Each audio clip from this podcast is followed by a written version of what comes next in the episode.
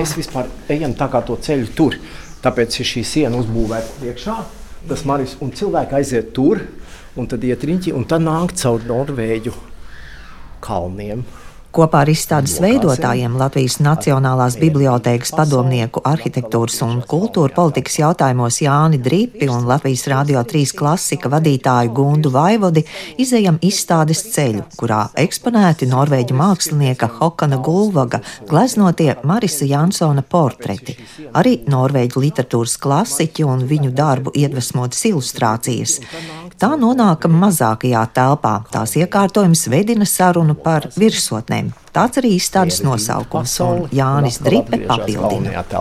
Ja divas virsotnes satiekās šodienas Norvēģijas, viens no pazīstamākajiem gleznotājiem un pasaules vērtību Maris Jansons. Tad mēs neko citu labāk nevarējām izdomāt šai izstādē, kā nosaukumu virsotnes. Simboliski tas atnāk arī izstādes iekārtojumā, jo šīs nogāzes, tie kalni, tā ir tā pērgina sarežģītā tanka. Šogad Norvēģiem literatūrā 4. Nobeļa prēmijas laureāts un literatūras kritiķis saka, Jans Olavs Fosse ir jaunais Ibsens. Tāpēc mēs izstādām Ibsenu, un tā ir vēl viena virsotne. Tā kā viss tā skaisti sanāk kopā, un patiesībā tas viss ir ļoti vienkārši. Nu, bet, Gunda, tad Oslo bija arī Marisam Jansonam savā ziņā virsotne kādā mūzikālā? Nē, nē, nē, tas bija tikai ceļš uz virsotni. Jā, viņš sāka no fjorda pašas apakšiņas savu karjeru veidot, jo līdz tam viņš bija faktiski ārzemēs viesojies tikai kā students un kā praktikants, bet um, pie Ļeņģeradas simfoniskā orķestra. Viņš jau bija stājies pie pults, bet arī kā Mravinska asistents. Faktiski Oslo viņam ir pirmais rietumu pasaules orķestris. Un atbraucot uz šo pilsētu, viņš, protams, sajūta ļoti lielu brīvību. Ja runā par orķestri, tad tā, protams, bija tāda liela mīlestība no pirmā acu skata, bet tas ceļš bija ļoti ilgs, līkumains un uh, arī noslēdzās varbūt mazliet eh, īpatni, ne tā kā tam būtu bijis vajadzīgs pēc 23 kopā pavadītiem gadiem.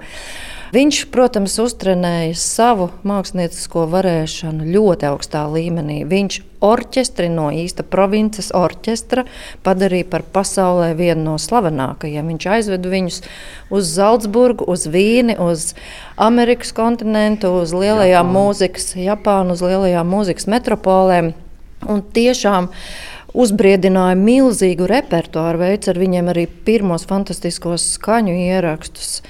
Un eh, es domāju, ka orķestris vēl šodien viņu atceras visi mūziķi, ne tikai tie, kas ir spēlējuši kopā ar viņu, bet arī tagadējais orķestris ar ļoti lielu mīlestību un pateicību. Tā mazliet nepiepildītā sajūta, ko Maris vēlāk raksturoja, ka viņš negrib atsaukt atmiņā šo viņa neizdošanos. Tā bija saistīta tieši ar koncertu zāli un ar koncertu zāles akustiku, jo viņš uzskatīja, ka šis pasaules līmeņa orķestris ir pelnījis labāku koncertu zāli. Tas neīstenojās, un tam viņš īsti pat līdz mūža galam arī netika pāri, un nekad pie šī orķestra vairs pēc aiziešanas arī neatgriezās. Bet uh, par mūziķiem gan viņš ir vienmēr runājis ar ļoti lielu mīlestību.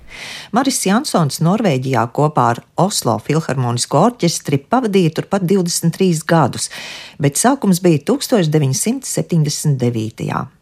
Oslo periodā pazīstamais norvēģu mākslinieks Hokans Gulvaks radīja Marisa Jansona portretu sēriju. Izstādes iekārtošanas brīdī sastopa mākslinieku.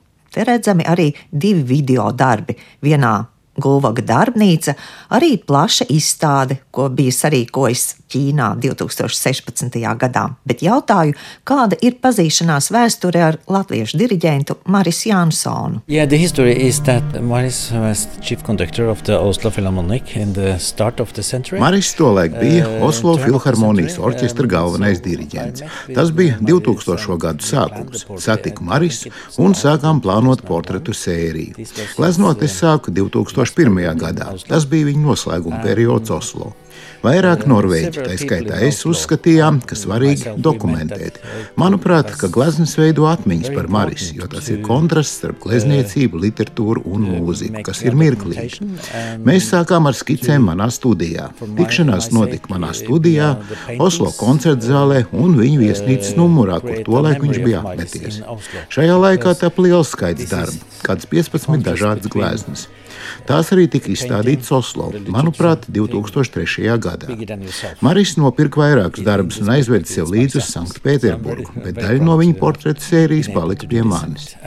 Un šogad laikā esmu radījis vēlākus portretus, it īpaši pēdējā gadā, kad sākām plānot šo 80. jubilejas piemiņas izstādi. Jārada atmiņas, kam tādam, kas ir dišs un liels, un tāds ir Maris Jansons. Esmu lepns, ka mēs to izdarījām. Manuprāt, nav iespējams pārvērtēt viņa nozīmi Norvēģu mūzikā. Viņš mūsu orķestri pacēla starptautiskā līmenī, un tas bija ļoti svarīgi Norvēģijai.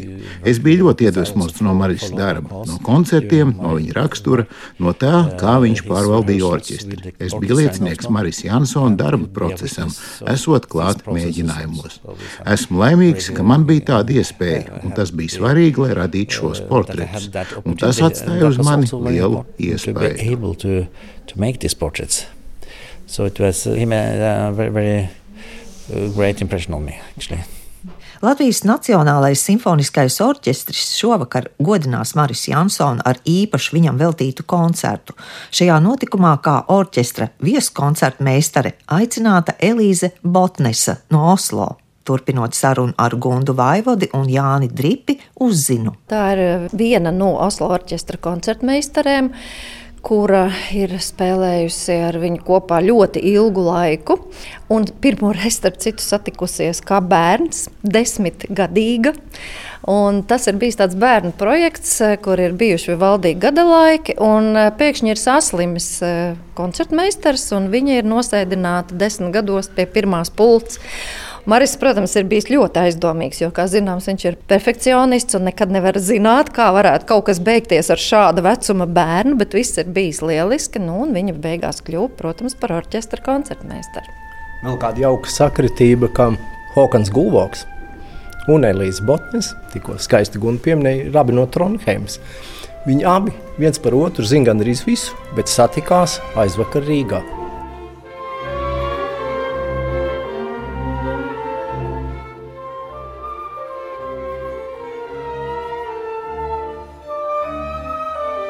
Mēs droši vien arī varam atcerēties to fantastisko koncertu Rīgā 2001. gads.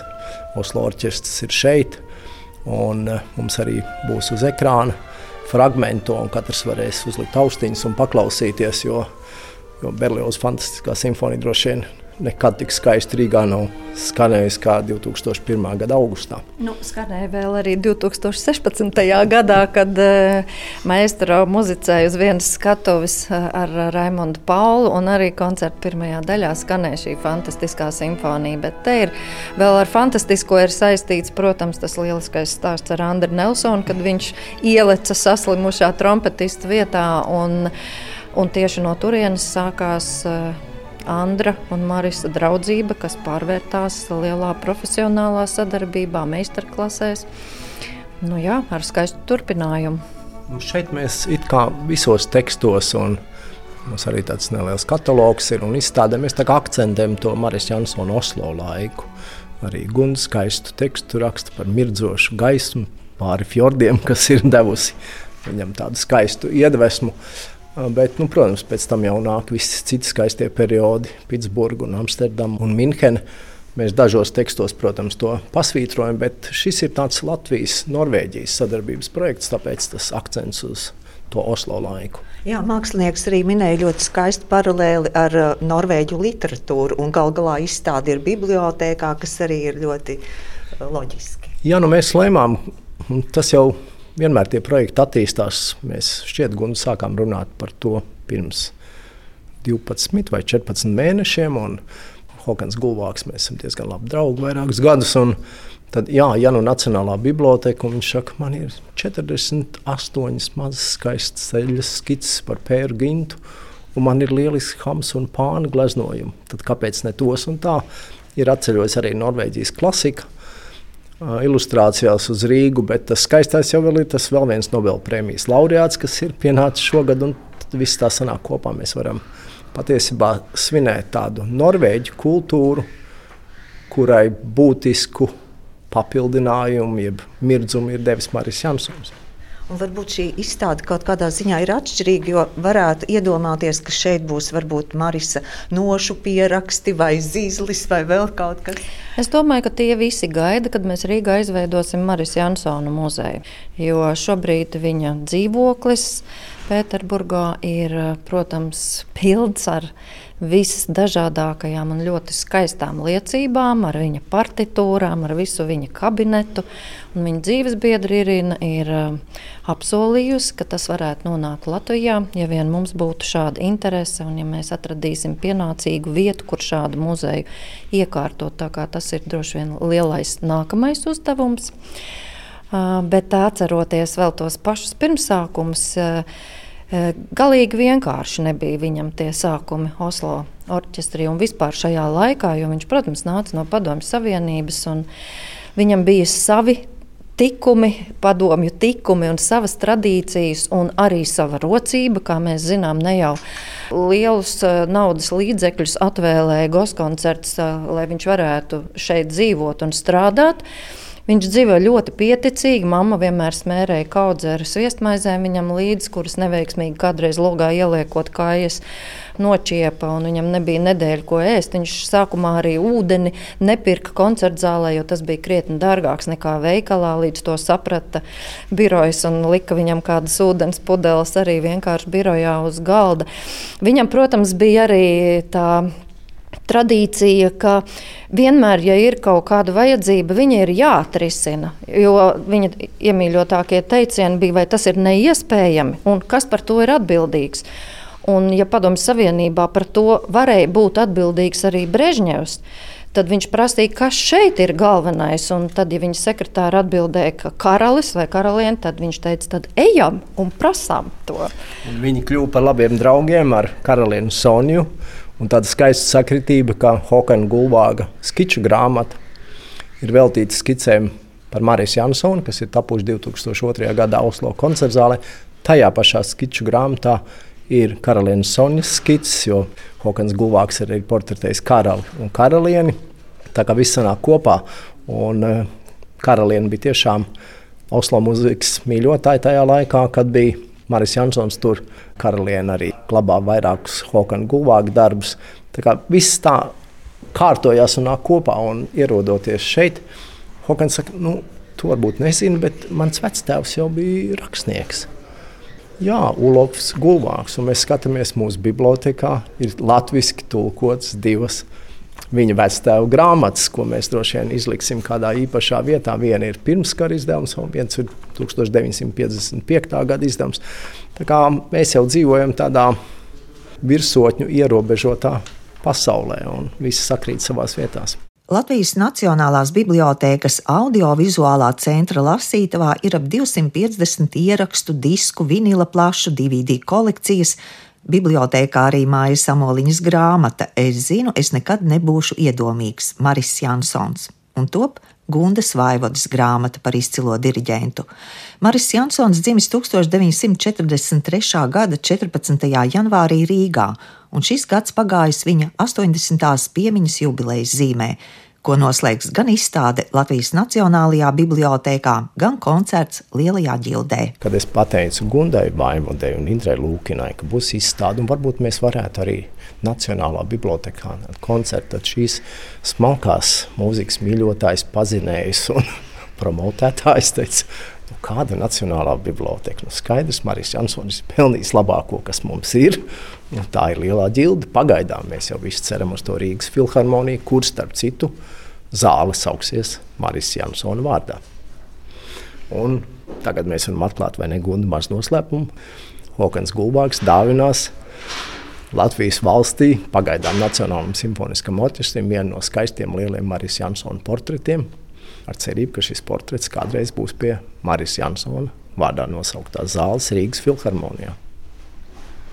Jā, pats koncerts ir um, Manuprāt, arī tāds ļoti ekskluzīvs, jo ieraksts netaps.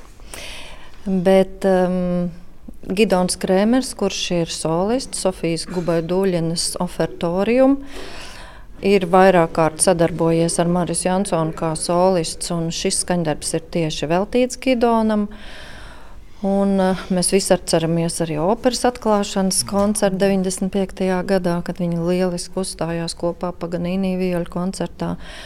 Man liekas, ka tas būs skaists pirmās daļas akcents, kam sekos Brāmas otrā simfonija, kas ir savukārt tāda ļoti raksturīga Marisa Jansona radošā zīme. Un, uh, Toreiz, kad viņš pats vēl vēlējās kādu reizi atbraukt uz Rīgu, tad viņš vaicāja, ko šeit varētu spēlēt tik nelielā zālē, kāda ir lielā ģilde.